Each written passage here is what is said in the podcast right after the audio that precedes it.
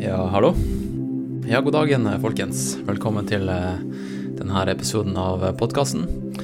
Mitt navn er Hans Christian Smedsrød, og jeg er programlederen i denne, i denne heidundrende podkasten som heter Neda, bedre kjent som Nå er det alvor. I 104 episoder så har den podkasten vært gratis og tilgjengelig for alle på, på iTunes og Spotify.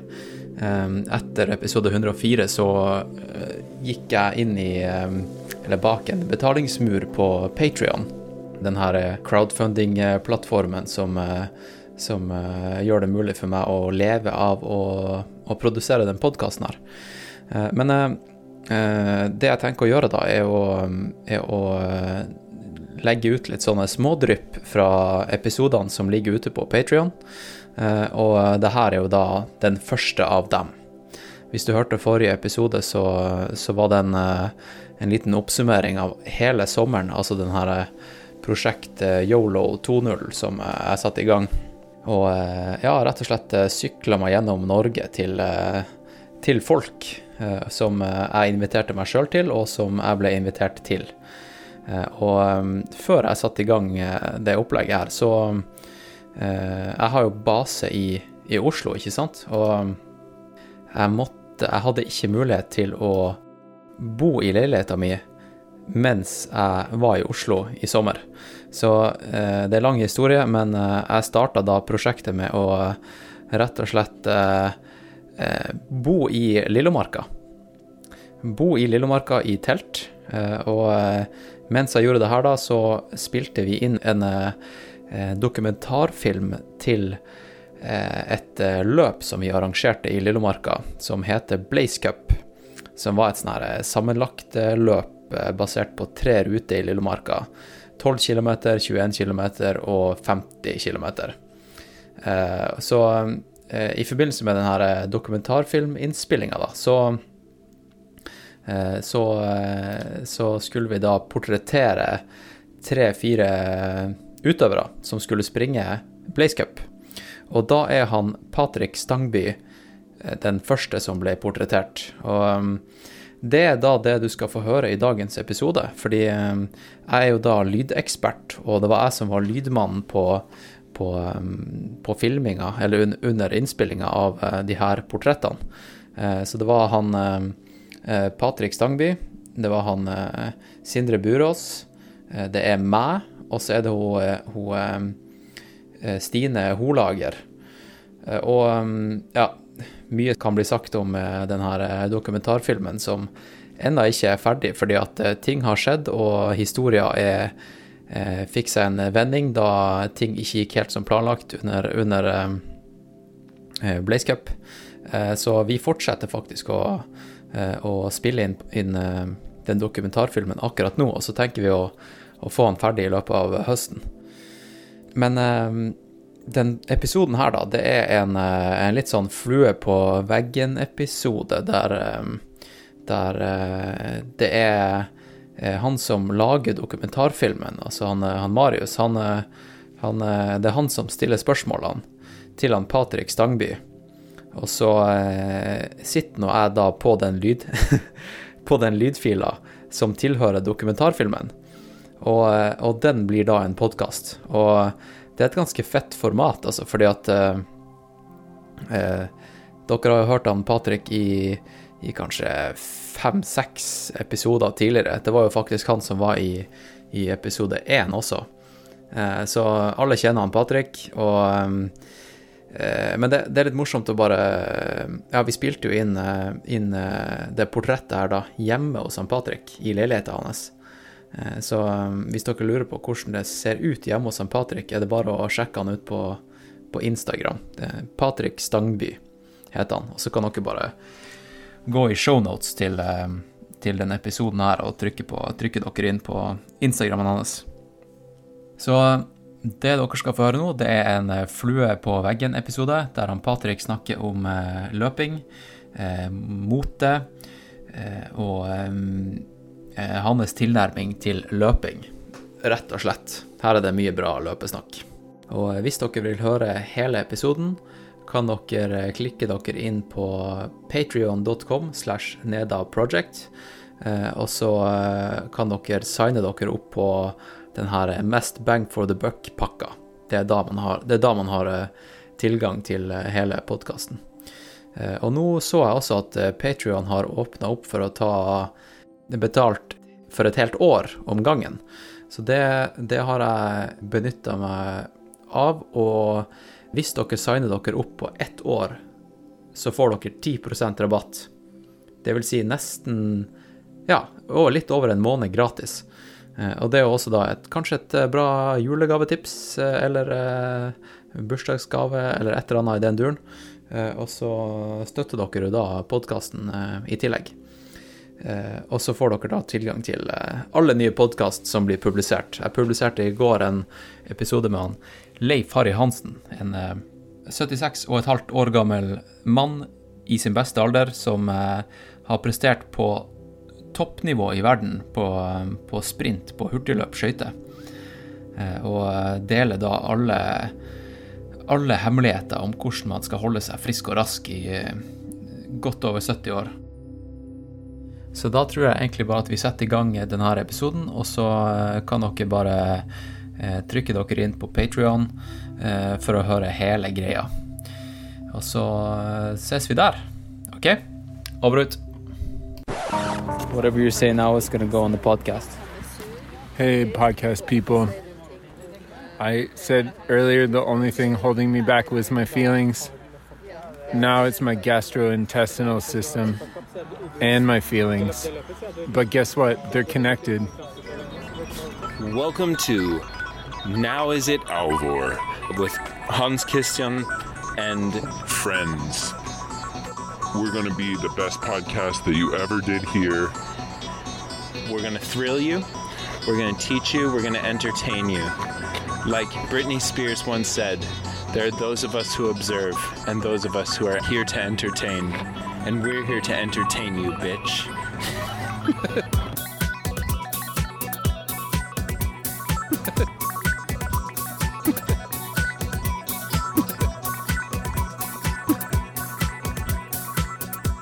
Jeg holder jo på med løper jo Blaze Cup, da, som eh, litt det her handler om. Men Blaze Cup kom jo egentlig ut fra en telefonsamtale og egentlig at vi satte ned en form for en prosjektgruppe sånn raskt etter korona. Men jeg hadde jo noen ideer om hvilke løp jeg skulle løpe i år. Og så har det året blitt litt annerledes for veldig mange enn det man hadde tenkt at det skulle bli. Så det endra seg litt. Så Blazecup var på en måte en sånn ting å gjøre for å holde folk motivert, da, og inkludert meg selv. så man man stager noe som er, Jeg var også involvert i det for at jeg selv skulle være motivert, men også at andre skulle være motiverte. Eh, og så løp jeg et løp forrige helg som jeg brøyt halvveis. Som 47 andre av de som løp, valgte å bryte. Det var 30 varmegrader, og jeg snakket jo om det med dere tidligere at jeg er dårlig i varmen. Da. Jeg fungerte bedre i varmen nå enn jeg gjort tidligere, for jeg hadde lavere tempo og holdt meg hydrert. og tror endelig kanskje jeg har klart å hacke det saltinntaket mitt som mange snakker om. Jeg vet ikke hvor relevant det alltid er heller. Det er liksom litt myter rundt det, men folk vet jo ikke hvorfor man får kramper, f.eks. Så Men eh, det var jo liksom et prosjekt jeg da hadde. Men nå er Rondane 100 miles, da. Og det er på en måte for meg Det ligger hjertet mitt mye nærere òg. Vi løper jo i sti, hovedsakelig på sti i byen. Men jeg merker jo det selv at det har en dragning til å løpe i fjellet, da. Ikke nødvendigvis ekstremt og på egger og rygger. Kan gjøre det på tur og trives med det òg, men det er noe det om å flytte seg mellom et sånn landskap som har med fjell ja, jeg, tror det er litt sånn unikt. Jeg var jo kanskje når jeg var sånn yngre alder sånn, Jeg har vokst opp på snowboard og liksom være i fjellet. Men så, kanskje, når man er yngre, så tar du det kanskje litt for gitt. da. Og så leste jeg jo mye filosofi når jeg studerte og var kanskje opptatt av mer kultur og helt andre ting. Og så flytta jeg tilbake til Norge da jeg var 25. Hadde bodd en liten periode i utlandet. Og så dro jeg til Lofoten med faren min. Og, men eh, vi var ikke på klatretur eller vi gikk ikke på gåtur. da. Vi hadde ganske lite tid, men vi kjørte gjennom hele Lofoten på to dager. Og så ser du, Da, da er du en observatør av fjellene. da. Det er veldig vanlig. Sånn er det i Chamonix òg. Kommer folk på bilferie, kjører innom, ser opp på fjellet, og så kjører videre. da. Og den naturopplevelsen du får der, den er på en måte reell og den er på en måte spektakulær og monumental noen ganger. Eh, men du har ikke noe Dette med sånn naturnærvær, da, som også noen andre Skyblazers er veldig opptatt av å snakke om, og som Arne Næss er opptatt av å snakke om. Du kjenner deg ikke som en del av landskapet. Og så høres det sånn pompøst ut for de som ikke løper løp eller ikke har kjent på det. Men i det du måte, Jeg har vært veldig redd i fjellet, da, for jeg har ikke vokst opp med å løpe i fjellet eller gå i fjellet. Jeg har ikke noe klat Bestefaren min er ikke klatrer, og faren min har liksom ikke vært på Everest. Så det er jo ikke sånn, du har ikke fått inn med morsmelka heller. Men de gangene du på en måte lærer deg å mestre en situasjon der du har noe frykt i fjellet, da, du på en måte været slår om, eh, du, liksom, du, tuller med navigeringen, men du klarer å hente deg inn på kartet, så får du en, en sånn økt respekt, men du kommer også nærere av naturen. Din egen sånn forståelse og nærhet til naturen blir mer ekte, for det er jo basert på erfaring. Da. Så for meg handler det mer om det at det, i fjor sommer så var jeg tre uker i telt og trente til CCC.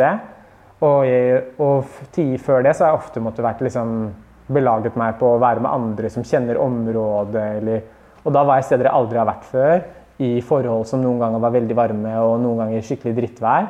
Og så må du på en måte overvinne liksom, din egen frykt. Og så må du få et samspill med naturen. Da. Fordi jeg tror liksom, noen som skal på toppen av en fjelltopp, de er veldig opptatt av å sånn, conquer the mountain, eller dominere naturen.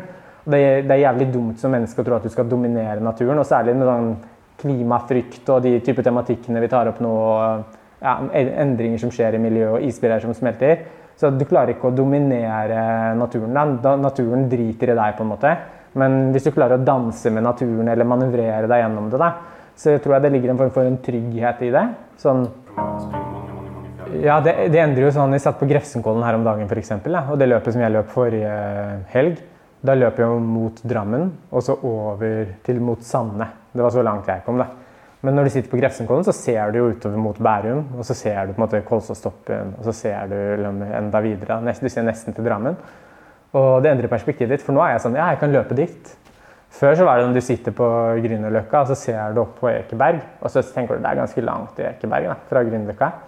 Mens det, løping endrer noen perspektivet ditt på hva du tror du får gjort på en dag òg. Sånn som vi sa, et løp som vi har løpt flere år på rad et sted som er veldig fint eh, litt utenfor Stryn, da, som heter Hornindal. Der kommer du dit. Og så det lengste løpet der, det går egentlig bare rundt hele dalen. Og vanligvis er det topper som folk bruker hele sommeren på. eller gå én topp én dag, og så neste uke går vi en annen topp. Mens når du kommer dit som ultraløper, da, så går du ut av bilen og tenker du, jeg kan løpe hele den runden her. Jeg kan ikke gjøre det hver dag, men det endrer liksom perspektivet ditt på hva er en fjelltur, og hvordan kan jeg liksom manøvrere meg i naturen. da.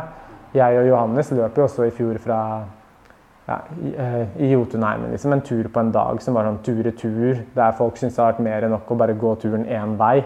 Det har liksom vært en massiv tur, og så løp vi én vei, og så spiste vi, og så løp vi hjem igjen.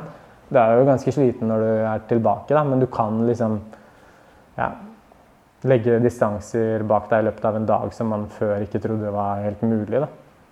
Og det handler ikke så mye om fart eller konkurranse, eller de, det handler ikke så mye om de tingene heller. Da. Jeg tror for meg så er det sånn det er, det er, viktig med miljøet. For meg har møtt mange mennesker i det miljøet som på en måte er viktig for meg. Jeg har blitt noen av de beste vennene jeg har. da, Det er folk du bruker mye tid med. Men så er det jo fordi du har andre knagger felles enn bare løpingen òg. For det finnes jo løpegrupper som ikke jeg nødvendigvis hadde følt meg så veldig komfortabel å ta del i. Eller, jeg hadde ikke hatt noe miljø i de gruppene. Jeg kunne trent med dem, men jeg hadde liksom ikke hatt noe mer enn å trene med dem. Eh, så, men så kommer det sånn Når det kommer til det med eget ego og prestasjon, da, så tror jeg jo mange for meg handler det om Jeg har et behov for å løpe raskt i fjellet for min egen del. tenker jeg. Eller sånn, det gir meg mye. Og så er det en konkurranse, så er det en konkurranse. Og du har jo lyst til å en, ha en god plassering. Men sånn som forrige helg, når jeg valgte å bryte og ikke, jeg følte meg, jeg hadde problemer med varmen, da, så var jo det var jeg og han som da Han kom inn på denne stasjonen fem minutter meg, før meg, ti minutter før meg, Vegard, men han var fortsatt på stasjonen når jeg var der. da.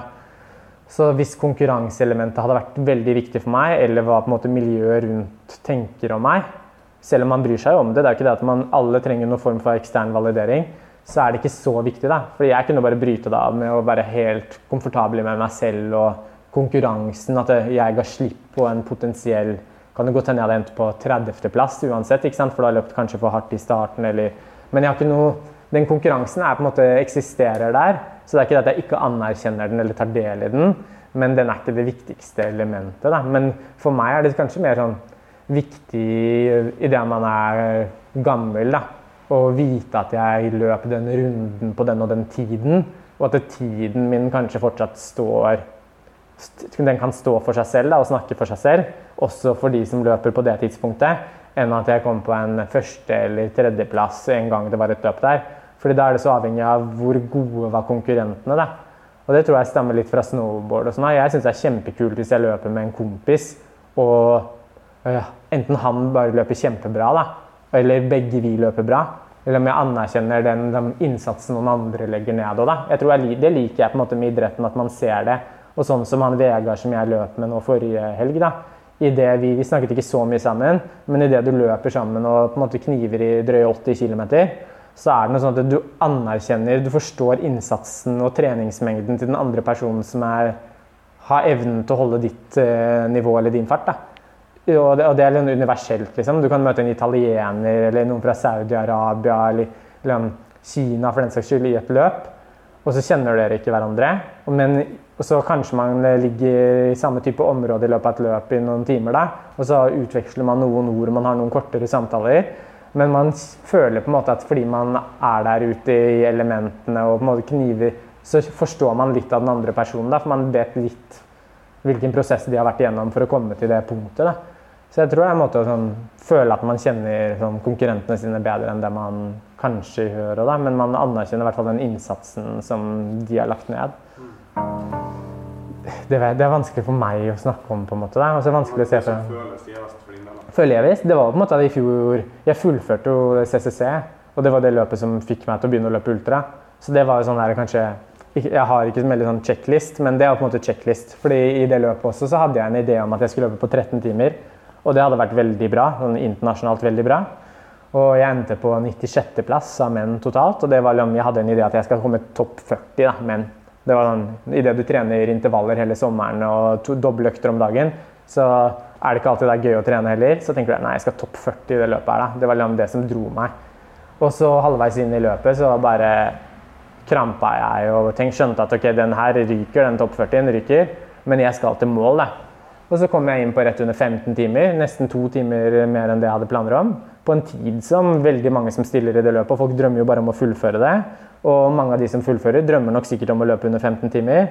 Men der og da så ble jeg ganske skuffa på en måte. Jeg var veldig fornøyd med å ha fullført, men så blir det litt sånn der OK, jeg brukte hele sommeren min på det her, da. Jeg følte ikke at jeg Jeg følte at jeg fikk ikke igjen Prestasjonen min står ikke i stil til formen min, da. Og så kan man snakke om hvorfor jeg dreit meg ut. og Jeg har ikke nok erfaring ennå heller fortsatt. Det er bare snakk om å løpe et par år ultra. da. Det er folk som har drevet med det her i 25 år. ikke sant? Så jeg anerkjenner jo innsatsen og den erfaringen de har òg.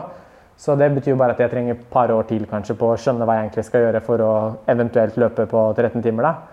Hvis man da orker å trene så mye at man løper på 13 timer om et par år.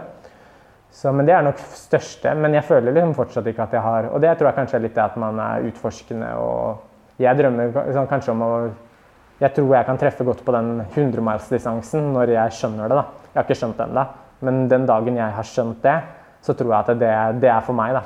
Selv om de løpene jeg har kanskje gjort det best på nå. Jeg har jo liksom noen andreplasser og liksom, tredjeplasser og sånn der. Og løper veldig fort inne på Bislett 50, og noen trodde jeg kunne kvalifisere til VM hvis jeg løp, tok det litt mer seriøst. Sånn, men det, jeg føler ikke at det er noe sånn stor achievement, eller det ligger ikke i meg så nært. da.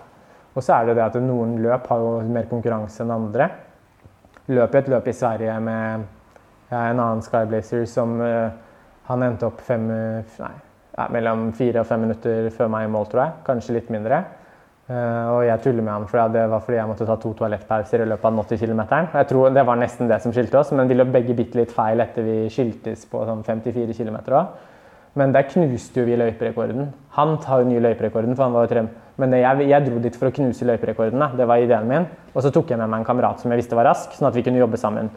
Og jeg syns det er bare fantastisk at han slo meg. Det er litt irriterende, for jeg begynner å ha en del samle på andreplasser nå. da. Jeg har aldri liksom vunnet et løp.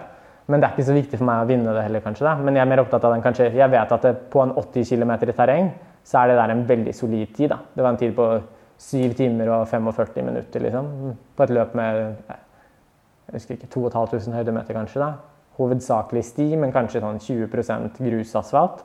Så jeg vet at det, det er en tid som ja, den, Nå er det en referansetid for meg på det type løp. da. Eh, så, men ja, den, det er ikke andre Jeg samler liksom ikke på plasseringer. Sånn. Selv om da det ville vært rart å si. Så den CCC-plasseringen min, det er viktigere for meg eventuelt å komme tilbake dit og løpe på jeg har den tiden. da, Den 13-timerstiden min, den betyr mer for meg enn om det gir en 30.-plass eller 100.-plass. da. Fordi jeg kan jo ikke bestemme hvor godt resten av verden har trent. Det er jo ikke opp til meg å be Det er bare positivt for meg hvis det plutselig er 1000 andre som er gode nok til å løpe under 13 timer. Men så hadde jeg prøvd å leve av det, så klart. Da har du et ønske om at eh, jeg skal være best. For da trenger du jo det for liksom, å fuele karrieren din. Da. Så da skjønner jeg at den plasseringen blir jo på en måte viktigere. Ja, det, det, er jo lett og det er dumt å sitte og si noe, da, siden det er, mener, det er jo ikke en ny hobby for meg. og Det er noe du bruker veldig mye tid på, du blir veldig investert i det. Men jeg tror for meg at eh, det kommer til å være viktig for meg hele livet. Og så er det snakk om hvordan man gjør det. da, fordi det er jo veldig mange forskjellige typer ultraløp. Uh, og det kan jo godt hende at idet man blir eldre, at man enten bare har lyst til å gjøre ting som er enda lenger. Sånn løp man ikke tør å gjøre i dag engang. Og da er det jo nesten mer vandring. Bare rask vandring i fjellet. Eh, men jeg så det første 80 km-løpet jeg fullførte, som var Telemarks tøffeste i 2017, som også var NM det året. da. Der var det en del eh, karer i 60-åra. Og både på start og i mål da, så var det de jeg hadde mest lyst til å identifisere meg med. Ikke han fyren som vant. Jeg bare syntes det var helt rått at de fortsatt løp det løpet. da. Tenkte jeg jeg skal bli de gutta der, liksom. Jeg synes det var liksom. Så da har man i hvert fall et insentiv om å fortsette det. Men så klart, man må nok også leve med det. Og det er jo sånn at alle mennesker er rent fysiologiske Men jeg tror nok det kan være utfordrende at hvis du har vært relativt rask da, og hatt gode plasseringer, selv om jeg sitter og sier at det ikke er så viktig for meg, så er det nok sikkert litt vanskelig den gangen tiden ikke strekker til for å få trent nok, eller eventuelt du ikke har lyst til å trene nok, men du har lyst til å være med i løp, og så måtte leve med at eh, prestasjonene dine er dårligere enn de har vært tidligere. da.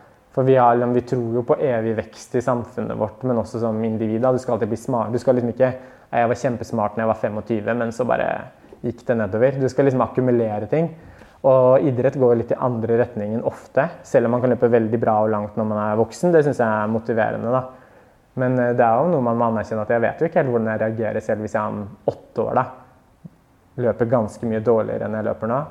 Eh, hvordan jeg, jeg føler løpingen, hva det bidrar med i livet mitt. Da. Om jeg blir sånn her Nei, vet du nå er jeg ferdig med det her. fordi ja. Men jeg tror ikke man må ikke løpe løp nødvendigvis heller. Men det som er, vi snakket litt om jeg og Hans Christian og et par andre i forhold til Vi møtte noen som prøvde å konfrontere oss litt med at løpere er veldig opptatt av løp, da, også ultraløpere. Og det er jo et samlingspunkt for løpere. Det er et sted løpere møtes. Løpere trener jo ofte mye alene. Og så er det ikke organisert for de aller fleste, i hvert fall ikke ultraløping. Så det er jo på en måte en arena der du møter andre løpere. og Du kan møte folk og løpe ved siden av dem og snakke med dem og bli kjent med mer folk òg. Og så er det en måte også med drikkestasjoner og support, så er det en tryggere måte å prøve å løpe langt i fjellet. da. Det er ikke alltid helt forsvarlig. og Jeg kunne ikke kjørt det, eller jeg kunne gjort det, og jeg løp halve i fjor også, men det er ikke helt like forsvarlig for meg å kjøre til Hornindal nå og på en regnværsdag gå ut og løpe 72 km med 5400 høydemeter uten noe support, eller at folk vet at jeg er i fjellet, føles litt tryggere i det du har noen sjekkpunkter og det er andre rundt i løypa. da. Så jeg syns jo bare løp er en sånn positiv ting, også for de som ikke har tenkt å knive om en topplassering eller liksom en tid, for den saks skyld. Ja. Og til syvende og sist så vil jo mange fortsatt si at ultraløp handler jo egentlig bare om å fullføre. For det, det er jo ikke alltid du vet at det er alltid en sannsynlighet for at man ikke klarer å fullføre et ultraløp. Da. Uavhengig av om man er rask eller treig, eller ja, om man har trent godt eller ikke trent godt. På, hvis, hvis, jeg kan stoppe et sted, så er det det jeg foretrekker. Jeg foretrekker å spise en uh, bolle eller vaffel med brunost uh, og drikke Solo. Hvis det er vørterøl, hvis jeg har drukket mye sukker fra før. Hva slags musikk hører du på når du springer? Hører ikke på så mye musikk når jeg løper lenger, faktisk. Men hvis jeg hører på musikk, så hører jeg som regel på Hvis jeg er ute i marka og trener, så hører jeg på noe ambient. Ja, som regel. Minimalistisk elektronika, eller kanskje noen ganger litt sånn moderne klassisk. Men hvis jeg skal ha en sånn hard motbakkeintervalløkt, så hører jeg på hiphop. Jeg har liksom hatt litt sånn hårete drøm om at um, vi, vi, lever liksom i en verden med flere og flere mennesker. Og ressursene blir mer og mer sårbare og dyrebare. Så hvis man kan ha ting som funker i hele livet da. Så jeg har en idé om at jeg kunne hatt det, Du svetter jo, så ting blir jo litt annerledes. Men hvis jeg kunne gått inn på kontoret da, for et møte eh, eller løpt inn på kontoret, to kilometer til kontoret mitt. Så kunne jeg jogga til kontoret til et møte. Ingen hadde stussa i det møtet på at jeg hadde på meg løpeklær. Kanskje var en bukse til og med. Og så, det fungerte som løpetøy, da, og fargemessig også fungerte. Og så skulle jeg på en eh, lunsj eller liksom på en sånn, ja, galleri eller noen andre ting, sånn fritidsaktiviteter jeg liker, og det passet like godt inn der. Og så kunne jeg løpt ut i marka etterpå. Sånn at du sliter kaller det noe hybrid. da. Og så er det litt utopi å tenke at ting kan fungere på den måten, men man har liksom allerede litt eksempler på ting som nærmer seg. Arterix eier en linje som heter Valence, f.eks., som er veldig dyr, da, men det er fordi det treffer få mennesker, og det er mye research. Men de lager jo på en måte en bukse som du kan løpe med. Den ikke, men den er ikke lagd med tanke på løping, men den er lagd for en aktiv livsstil. Da. Så jeg tror jo veldig på de tingene at uh, både noe som tar vare på naturen og respekterer naturen, men også rent visuelt, da kanskje kommer med noen andre referanser. For det er ofte sånn at kanskje folk som har drevet veldig mye med idrett, har et visst sett med referanser. Jeg kommer jo ikke fra en idrettsbakgrunn, jeg kommer fra kanskje litt med ja, vært i hvert fall veldig opptatt av kultur, selv om jeg ikke alltid har jobbet med det. Så tatt med noen av de referansene fra et annet sted da, inn i en ting som egentlig ikke har de referansene. Jeg syns alltid det er gøy når ting krasjer. da Når ting som egentlig ikke har noe med hverandre å gjøre liksom, når det krasjer. Så det er mitt insentiv til å kanskje bidra. og Jeg har jobbet litt som konsulent for et par løpemerker og kommentert på ting. Både rent funksjonelt, men også hvordan man ønsker at, hva slags retning ting skal ta.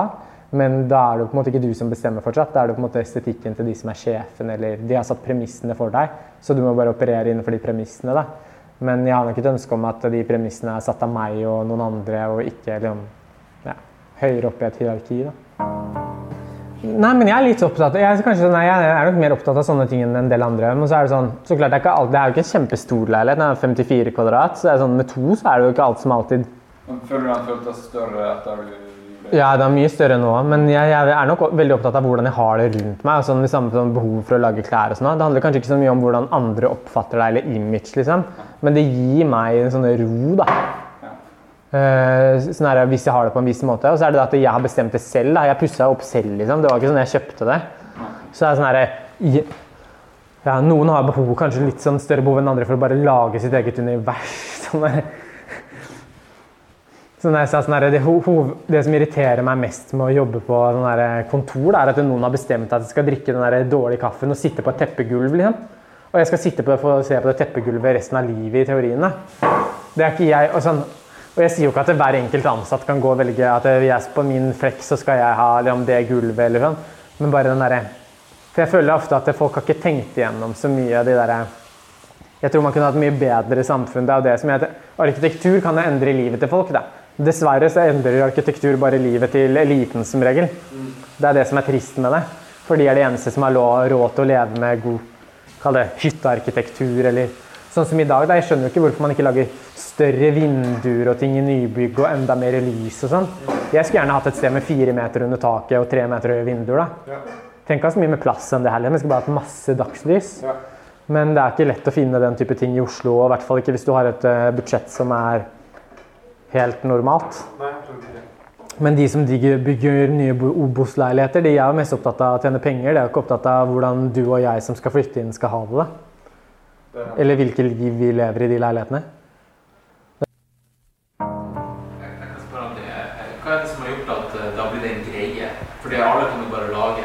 si at det er et løp. Men liksom, eh, hvordan har vi klart å skape en greie rundt det? Ja, jeg tror det har blitt en greie fordi Skies, man kan si hva man vil. og Skyblazers fikk litt sånn hate for et par år siden. At det var sånn Å ja, må du organisere det å løpe i marka? Og nå liksom eh, Kan ikke dere dra og spille noe brettspill på Grünerløkka med Patagonia-T-skjorta deres? Det var noen på vestkanten da, som måtte liksom disse det.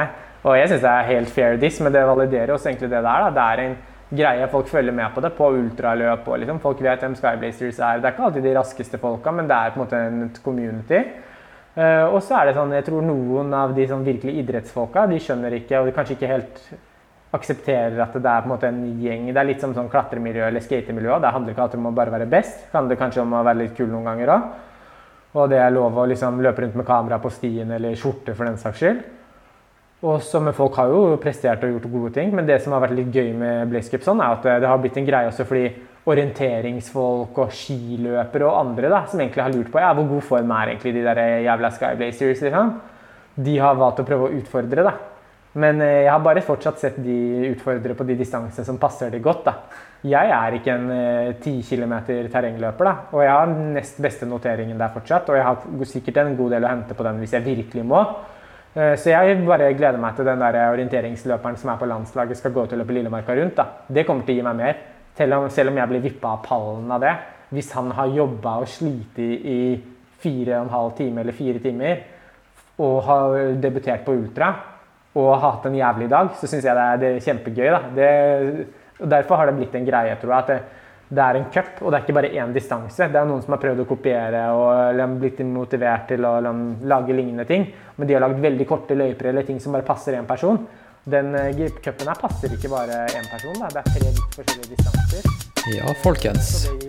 Hvis dere er gira på å høre hele intervjuet med Patrick, det er vel sånn, eh, sånn ca. 30 minutter igjen av det her, eh, så, eh, så kan dere klikke dere inn på patrion.com slash nedaproject. Det er en eh, link i, eh, i shownotes også, hvis dere ikke husker den linken i, eh, på stående fot. Og så eh, kan dere klikke dere inn der, og så får dere tilgang til hele, hele katalogen til, eh, til Nå er det alvor. Rett og slett, folkens. Så, eh, så ses vi på Patrion, OK? Bra ut. Roger og